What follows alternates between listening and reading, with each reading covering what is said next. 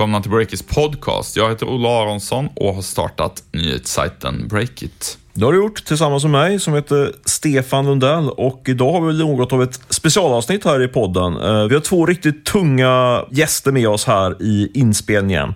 Eh, vi ska dels göra en intervju med författaren bakom den redan eh, klassiska boken Lean Startup och så har vår reporter Tove Boström varit ute och wallraffat och vi ska prata om hur hon levde sitt dubbelliv som Instagram-stjärna de senaste månaderna. Ja, precis. Det är väldigt spännande. Hon har under fyra månader ungefär drivit ett fake konto och eh, försökt och faktiskt lyckats också eh, locka annonsörer till det. Eh, stanna kvar för att höra mer om det längre fram i podden. Men först kör vi ett litet nyhetssvep från veckan. Jag inledde med att i måndags så la schweiziska Richmont Richmond ett bud på e-handelssajten som jag tror uttalas eh, eh, YOX Net-Apporté. Um, ehm, de säljer lyxvaror på nätet och den här affären fick rejäl fart på spekulationerna i eh, e-handelssegmentet. Eh, Boost, eh, aktien i det företaget som är noterat på Stockholmsbörsen, den gick väldigt starkt till följd av det, till följd av att YOX Net-Apporté värderades så högt i den här transaktionen så var det många som trodde att Boost också skulle kunna värderas så högt. Och det snackades också om ett sammangående mellan två andra e-handlare, Zalando och ASOS. Och dessutom så tror en del investerare att Amazon ska komma med ett motbud på YOX Netapporter. Ja, ni hör, det blir mycket spekulationer om uppköp inom e-handeln kan man säga. Mm, den ständigt lika heta e-handelsbranschen, så det är spännande att följa framöver. Eh, jag ska nu nämna att eh, miljonerna eh, tycks fortsätta att rasa in över de svenska startup-entreprenörerna. Det är nu techinvesteraren JP Bullan som precis har stängt en fond på 650 miljoner kronor och kommer bland annat pumpa in de pengarna i svenska startups. Och det här är JP Bullans fjärde och hittills största fond. Yes, eh, du Nordea-chefen Kasper von Koskull, han gillar inte bitcoin-hypen verkar det som. Han har gått ut till tusentals för sina anställda och förbjudit dem att handla med bitcoin som ju är en så kallad kryptovaluta. Och det här initiativet har skapat stor uppståndelse och viss upprördhet, eh, framförallt då bland kryptoanhängarna. I en debattartikel på Breakit så kallar en av grunderna eh, till bitcoinbörsen BTCX, Kristoffer De Geer, han kallar det här agerandet för världsfrånvänt. Hårda ord. Eh, där möbeljätten Ikea köpte i tisdags in sig i den snabbväxande e-handlaren Matsmart. Eh, Matsmarts affärsidé är att sälja mat på nätet som annars hade slängts. Eh, och Ikea då går de in med ungefär, eh, ganska exakt faktiskt, 25 miljoner kronor. Och enligt mina källor så värderas eh, hela Matsmart till 350 miljoner kronor i den här transaktionen. Mm, det är intressant att se vad som händer med det bolaget. De har gått från klarhet till klarhet. Eh, mer e-handel avslutningsvis. Amazon har nu slagit upp portarna för sin eh, redan så omtalade automatiska mataffär. Eh, här ska du kunna plocka varor från hyllan och gå ut i butiken utan att skanna dem eller låta någon kassör eller så ta hand om betalningen. Den första butiken finns i Seattle Seattle, eh, i närheten av där Amazon har huvudkontor. Vi får se om det här också kommer till Sverige.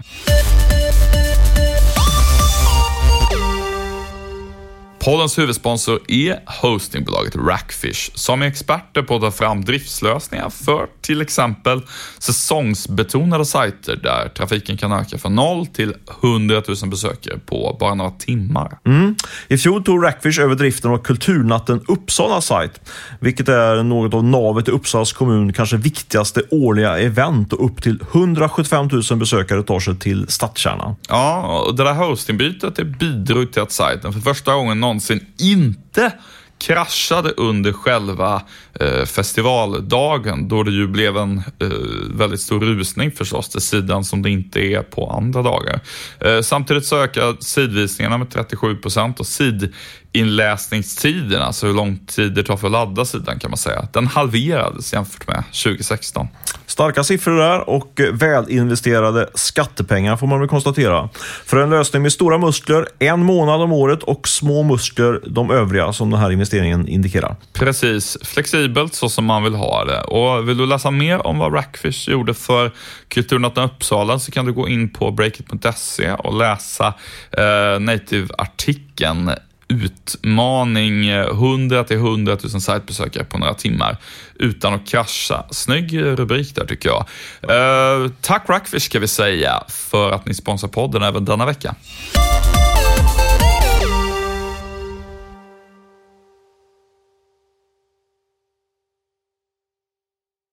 Så där, då har vi fått in vår reporter Tove Boström i poddstudion. Välkommen! Tack så mycket. Du, du har ägnat en betydande del av din arbetstid de senaste eh, fyra månaderna ungefär åt att granska den så kallade influencerbranschen. Alltså en bransch där profiler på sociala medier säljer reklaminlägg på framförallt Instagram åt olika varumärken. Eh, om vi börjar så här, varför är det här viktigt att granska? Det är otroligt viktigt att granska det här för att det framförallt är en bransch som växer väldigt snabbt. Tittar vi på statistiken från Institutet för reklam och mediestatistik för 2016 så omsatte branschen en halv miljard kronor och sannolikt mycket mer i år. Just det, så det är en bransch som omsätter väldigt mycket pengar nu för tiden. Det kanske man Eller inte hur? tänker på. Man tror att det är någon miljon här och där i någon influencers bokslut. Men det här börjar bli ganska stort, säkert över en miljard 2018, eller vad tror du? Säkert. Du, eh, eh, det som är lite ovanligt med eh, den här granskningen, det är ju att vi har valt att skapa en fejkad profil på Instagram för att få fram information. Kan du först berätta, vad, vad skapade du för påhittad profil? Jo, så här är det. Vi funderade lite grann på vad vi skulle ha för nisch framförallt på Instagram. Man vill ju gärna ha en nisch där för att locka annonsörer. Så vi bestämde oss för att det får bli träning helt enkelt. Just det. Så, vad, vad, vad kände du då inför att ta, köra träningsprofilen? Nej, men jag kände mig ganska trygg med det. Alltså, det finns ju kläder och smink och så är också väldigt stort, men just träning passar nog mig bättre. För vi var ju också tvungna att bygga en bildbank med massa kort för att kunna genomföra det här och då var jag faktiskt tvungen att ge mig ut och träna på riktigt. Just det. Och eh, vem var den här personen, din träningsprofil på Instagram? Den här personen heter Frida Svensson då ursprungligen och går då under kontot Running by Me. Eh, Frida Svensson är en person som eh, planerar att springa maraton i år, så hela den här profilen går ut på att eh, följa Fridas träning till maraton. Du, man kan ju, om man är lite kritisk mot journalister, ifrågasätta den här arbetsmetoden som vi har valt. Den kräver ju att man till viss del far med osanning, eller i varje fall döljer sitt syfte, vad man håller på med. Eh, vad skulle du säga är fördelen med den här arbetsmetoden, alltså att låtsas vara en, en Instagram-profil, eh, jämfört med att öppet säga att jag är journalist när man försöker få fram den här informationen. Framför allt så tror jag att det hade varit väldigt svårt att genomföra en sån här granskning om vi hade berättat att jag är journalist från starten. Vi ville genomföra det här från start till mål och utge oss för att vara ja, men vilken vanlig person som helst som vill slå sig in i influencermarknaden genom att eh, köpa följare. Och hade vi berättat att, vi är, eller att jag är journalist så ja, tror jag att varningsflaggen hade växt både bland plattformarna och eh, annonsörerna. Ja, men det låter ju rimligt. Det var liksom kanske enda sättet att få fram den här mm. informationen. Mm. Annars hade det varit locket på direkt om hur mycket det kostar att köpa följare och sådär. Du, um, du tog ju en eh, massa bilder uh, med hjälp av en fotograf på dig när du tränar och så. Satte upp den här profilen uh, och skrev att du tränar för Stockholm Marathon. Hur gjorde du sen för att skaffa följare till ditt från början tomma Instagramkonto? Ja, Eh, framför allt så blev jag väldigt förvånad över hur otroligt mycket sajter det finns där ute som vill eh, sälja följare, likes och kommentarer. Prisklasserna varierar ganska mycket och likaså kvaliteten. Så jag har provat en rad olika plattformar. Just det. Där man gör det helt enkelt att eh, man väljer hur många följare man vill ha. Och så skriver man in sitt namn och drar det genom Paypal och så ramlar de in Just det, så det låter som att de inte har så svårt att hitta, som att de opererar ganska öppet och, och erbjuder Instagram-följare, eller, eller hur var det med det? Ja, gud ja, det räcker med en googling så har du gott om val att välja på. Så det är inte precis så att de arbetar i det dolda. Det verkar vara en ganska stor marknad. Du, det är många av oss som använder Instagram och så eh, och eh, många som kanske någon gång har känt en, en liten kick sådär när man eh, får mycket nya följare eller många eh, likes på en bild och sådär. Eh, vad, vad, kostar den här internetkärleken? Vad, vad, kostar en följare, en like, en kommentar? Mm, det varierar som sagt lite grann. Alltså jag har haft exempel där jag har köpt exempelvis 500 följare och betalat 200 kronor. Men det blir väldigt dyrt om man ska hålla på med det här under ett tag. Så i snitt så har jag betalat runt 30 till 100 kronor per tusen följare. Per tusen följare? Per tusen följare. Så man, för så lite som 30-40 spänn när man i vissa fall kan få tusen följare? Mm, precis. Men sen ska det tilläggas att det är ingen vidare kvalitet på det här. Jag räknade på att jag totalt beställt 34 000 följare. Jag har runt 21 000 kvar idag. Så de har, de har försvunnit helt enkelt. De Just. är inte särskilt trogna. Nej, de är inte så trogna. De kanske är konton som är påhittade och rensas bort i viss fall och så också. Du, eh, kommentarer och likes då, är det, är det dyrare eller billigare? Likesen är något billigare än följarna. Kommentarerna kan vara väldigt billiga, men då får du också vad du betalar för, vilket kan vara, säg att du beställer 20 kommentarer, då kan du få 100 gubbar som ser likadana ut. Emojis Just. alltså. Det kan Just också komma 30 stycken wow, wow, wow, wow, wow, vilket ser lite suspekt ut som en annonsör tittar på kontot. Aha, så det är liksom så att det är en sak om du säger jag kan tänka mig att betala en, en, en väldigt låg summa då för ganska mycket kommentarer och då får du de här lågkvalitet-grejerna. Men om du vill ha någon som har skrivit en kommentar som ser lite mer genuin ut, då, då kostar det mer då eller? Då kostar det betydligt mer. Nu är det lite svårt att säga om de är automatiserade eller om det är någon som faktiskt sitter och skriver dem. Men när jag har kontaktat sajter så har de ändå uppgett att eh, de själv sitter och skriver vissa av de här kommentarerna. Och eh, tittar man på vissa av kommentarerna så är de väldigt kärleksfulla och fina. Det kan vara hyllningar om hur vacker man är eller vilket fantastiskt kort det här är. Ja, nej, saker. Jag reagerade själv när jag var inne och tittade på kontot hur trots att man vet att det är fake så blir det lite grann en ganska mysig känsla ändå sådär i ett eh, love-bombande kommentarsfält så att säga. Eh, men alla kommentarer är inte sådana. Eh, du har fått en del kommentarer som är eh, minst sagt märkliga. Kan du ge några exempel på de vad ska man säga, värsta och, och konstigaste köpta kommentarerna? Mm. Vissa har varit så 20 kommentarer om en viss artist som man kan misstänka har hamnat på avvägar och egentligen skulle någon annanstans. Sen har det också varit lite smått eh, hostila kommentarer. Det har varit kommentarer på, på ryska som frågar vart kan man köpa produkten.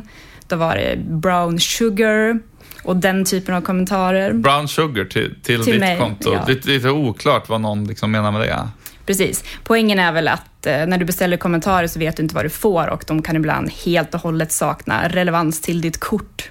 Just det. Så att eh, om vi tar som den här artisten till exempel, då är det alltså någon artist som har köpt kommentarer och så har liksom det levererats till ditt konto istället kan man misstänka. Ja, jag frågade den sajten om det. De förklarar att bilderna flyttar runt mellan olika plattformar så att ja, den ska hamna på avvägar helt enkelt intressant. En hel marknad det här med mm. både riktiga människor som kommenterar och, och någon slags bottar förstås. Uh, du, uh, apropå det här, liksom, du fick ju kontakt åtminstone med, med någon person som sa att de satt och skrev sådana kommentarer mot betalning. Ja, rent fysiskt satt och skrev, skrev själv. Mm. På, och och fick intäkter på det. Berätta, vad, vad, kunde du få reda på om de här personernas arbets, arbetsliv? Det jag har förstått är att det är ganska lätt att som enskild person ansluta sig till någon av de här sajterna, så att det är flera personer som sitter på olika håll och liksom jobbar för en stor sajt. Sen hur mycket de tjänar och vart de sitter och så vidare, det är ingenting de gärna avslöjar. Just det. Det är nästan ett tips då om man inte tycker att det är moraliskt fel då, vilket man nu eh, med fog kan anse att det är då i och för sig. Men om man är en student någonstans som vill tjäna lite extra pengar, skriva lite Instagram-kommentarer. Eh, du, eh, mm, men de här kommentarerna och likesen och så, de har ju liksom kanske i och för sig ett egenvärde för, för oss privatpersoner om man känner sig uppskattade och så, men det är ju också en marknad där annonsörer tittar på engagemang och antal följare som olika konton har när de bestämmer vilka de vill samarbeta med. Du fick ju kontakt med annonsörer också. Berätta, hur gick det till? Precis. Eh, det finns väldigt många plattformar, eh, både i Sverige och internationellt, som eh, kopplar ihop influencers med annonsörer. Så jag har helt enkelt sökt mig in till dem. Ibland har jag kommit in direkt, ibland har jag nekats, ibland har jag gått igenom en kontroll. Och här finns det helt enkelt varumärken som, eh, som söker influencers och lägger upp kampanjer som man kan söka till senare. Just det, så de här eh, plattformarna, eller nätverken som de ibland också kallas, de fungerar som en sorts eh, säljbolag kan man säga. Att vi har å ena sidan influencers Instagram-profiler och så som vill ha intäkter och å andra sidan annonsörer som vill synas någonstans. Och de, de skär emellan där så att säga och via dem så har du faktiskt kunnat komma i kontakt med annonsörer då. Kan du ge något exempel på en affär du, du eh, lyckades eh, få i mål? Precis, jag ska också poängtera att vi har inte dragit någon i mål, utan vi har inte velat genomföra kampanjer, utan det handlar om eh, förslag då på samarbeten som vi har fått här. Just det, vi, vi har fått, jag hade kunnat göra det om vi hade velat, men vi blåste av de moraliska precis, skäl. Men om vi precis. med den brasklappen då tar, vad, vad har vi haft för exempel? Jag blev lite besviken när jag började på de internationella plattformarna för det visade sig att eh, de skeppar inte så mycket produkter till Sverige så det var lite av ett eh, bakslag. Men det har ändå gått att få en del eh, samarbeten, dock inte så mycket inom träning som jag hade hoppats på. Det handlar bland annat om ett samarbete om hudvård som ska motverka bristningar. Samarbete med tandblekningsföretag har vi också. Ehm, sen har vi ett annat amerikanskt företag eh, som handlar om att lägga upp en, en träningsvideo faktiskt. Mot, eh, mot ersättning på runt 1200 kronor på den. Just det, vad, vad, vad var det för träningsvideo? Skulle du ha, ha på dig någon produkt eller använda någon produkt i videon? Eller vad var det för någonting?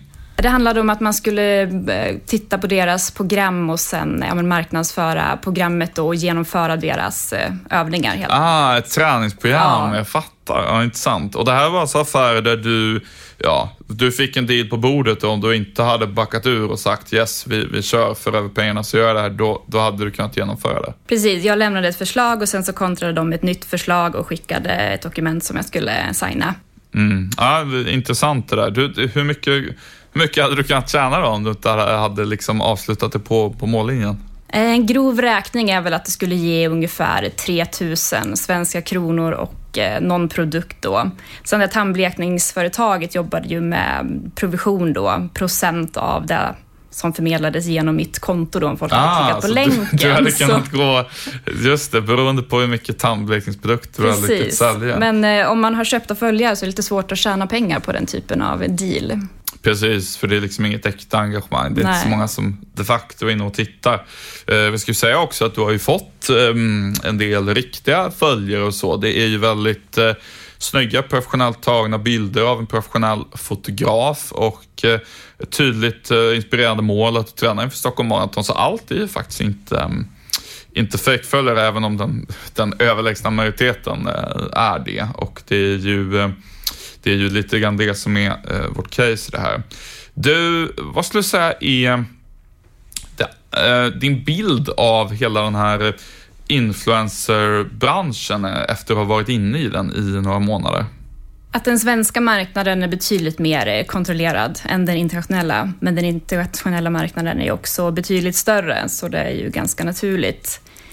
Men eh, men man blir väl lite oroad. Alltså när man tittar på de erbjudanden som sker så mm, man lockar ju verkligen eh, människor att genomföra samarbete för ganska låga ersättningar eller bara produkter. Och man kan tänka sig att det lockar många yngre människor som vill eh, visa att de är en influencer och genomför samarbeten. Jag vet i något fall så var det att du får ett magasin om du promotade varumärket. Det kan jag tycka är kanske lite väl låg ersättning, någonting som kan ifrågasättas. Just det. Och sen så då eh, är det dessutom så att ehm, eh, um, du har kommit fram till ganska anmärkningsvärda saker om hur Instagram agerar och om hur de här, eh, hur själva annonsnätverken som förmedlar erbjudanden och så agerar. Vi kan väl börja med eh, hur bra koll tycker du att Instagram verkar ha på vem som, vad som är en fake-profil, vem som köper fejkade följare och så vidare? Inte särskilt bra koll alls. Jag var ju lite rädd i början att mitt konto skulle flaggas när jag började att köpa följare och engagemang. Eh, men jag har ändå lyckats köpa 6500 följare på en gång som då har rasat in utan att Instagram har ja, tagit några åtgärder eller upptäckt det. Just det, och de här annonsplattformarna då, jag vet att de hade ju vissa krav så för vem som skulle släppas in på, på plattformen och så. Kan, kan du berätta lite grann, hur, hur har de agerat? Mm, de kan ju eventuellt ha krav på att du ska ha minst ja, 20 000 följare och så många antal bilder för att komma in och så vidare. Men sen uppger sig många ha ganska hård kontroll och skryter lite med att de inte släpper in så många. Men jag har ju tagit mig in på ganska många av de plattformarna. Ibland har jag kommit in direkt och ibland så har de liksom mejlat att Åh, nu har du granskats och nu är du godkänd och välkommen in på vår plattform. Just det, så att um, den hårda kontrollen var liksom inte hårdare än, än att ett totalt fejkat konto kunde komma in och börja få erbjudanden där. Precis. Uh, du, uh, vad skulle du säga, um, ur, ur annonsörers perspektiv, om man är någon som vill använda Instagram och så för att nå ut och, och bygga sitt, sitt varumärke, hur, eh, vad innebär det faktum att det ser ut så här för annonsörer? Ja, framförallt att man måste vara lite på, på sin vakt. Det är ju ganska uppenbart att eh, om du ansluter dig till ett influencernätverk eller en plattform så är det ju inte garanterad att de som finns på den plattformen är säkra profiler. Så jag tycker absolut att man ska själv alltså klicka in på kontot för att se om det är konstiga följarnamn, konstiga kommentarer och helt enkelt ja, men ta lite ansvar där och göra en egen liten research. Just det. Och också, ska säga, vi är inte de första att rapportera om just det här med fake-följare heller. Det är väl så att man kanske ska... Eh, att någon har, säg, 100 000 följare på Instagram. Det, det värdet eh, i sig är väl kanske inte något man kan gå enbart på, men däremot om man kollar på själva engagemanget, hur mycket eh, till synes riktiga kommentarer och likes och, och delningar och sådär finns det, då får man kanske en lite bättre bild än om man bara går på själva följarantalet. Eh, du, eh, vad man blir nyfiken på är ju eh, vad Instagram säger om det här. Vad, vad har du fått för svar från dem? Eh, vi har ju sökt dem upprepande gånger, men de är inte ja, så lätta att kommunicera med får man väl säga. Däremot har vi pratat med en representant från eh, Facebook då, som äger Instagram, som har uttalat sig kring eh, ja, hur Instagram ser på de här frågorna. Och, och hur ser de på det? Eh, nej, men de är ganska tydliga. Alltså, I deras användarvillkor så fastslår de bland annat att eh, det är inte okej okay att eh, alltså skapa konton med bottar och liknande. Och man får inte förmedla tjänster som ja, men den här typen av tjänster med kommentarer och köpta likes och så vidare. Det är inte okej okay för Instagram. Just det, och trots det så svämmar internet närmast över av folk som erbjuder precis den typen av tjänster då.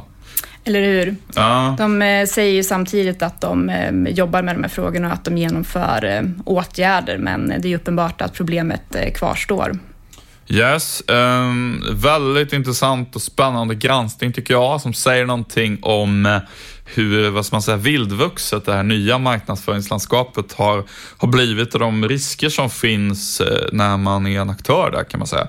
Och riktigt eh, kittlande läsning också, eh, måste jag verkligen säga. Det, det rekommenderar jag, om ni inte hinner läsa den nu när podden kommer ut eh, eller så, så kan ni spara den och läsa den i helgen, tycker jag. Du, Tove, tack så jättemycket för att du ville vara med i podden. Tackar.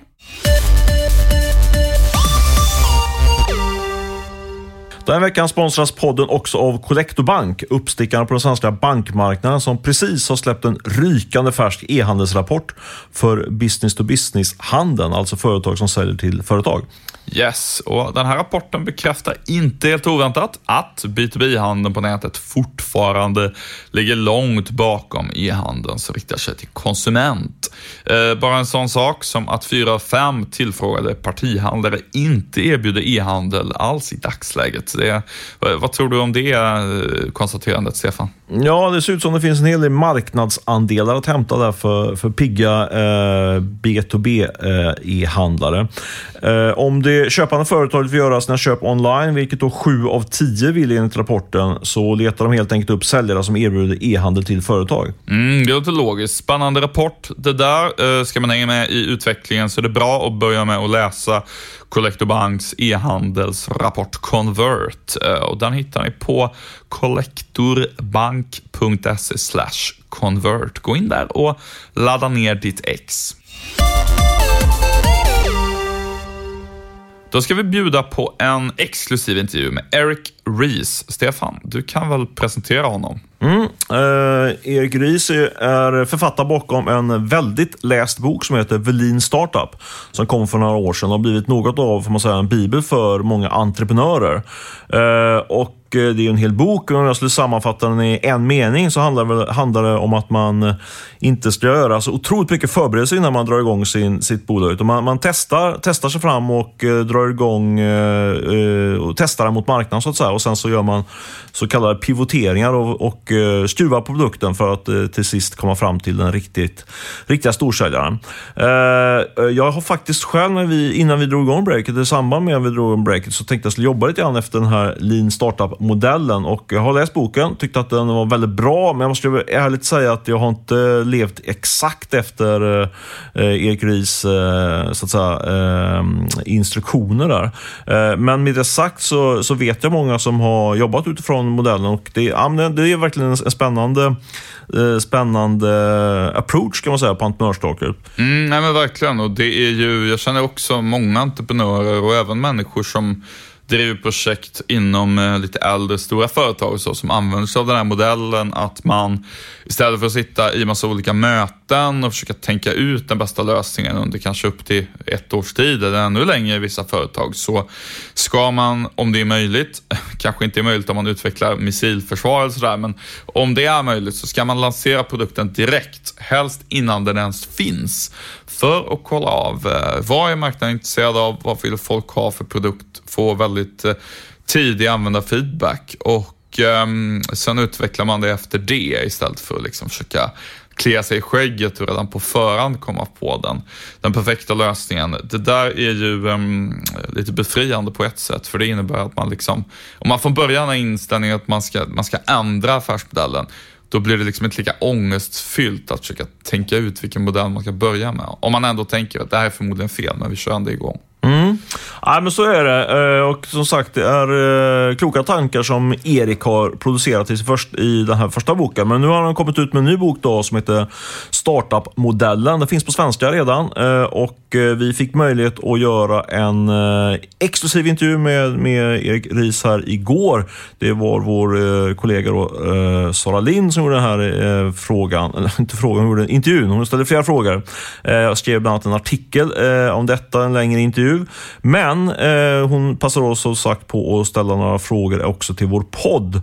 Och och eh, Sara Lind, då, min kollega, börjar med att fråga Erik lite provokativt kanske. Eh, behövs det verkligen en ytterligare en bok eh, om hur man ska driva sitt företag? Räcker det inte med att läsa den första boken, undrade Sara.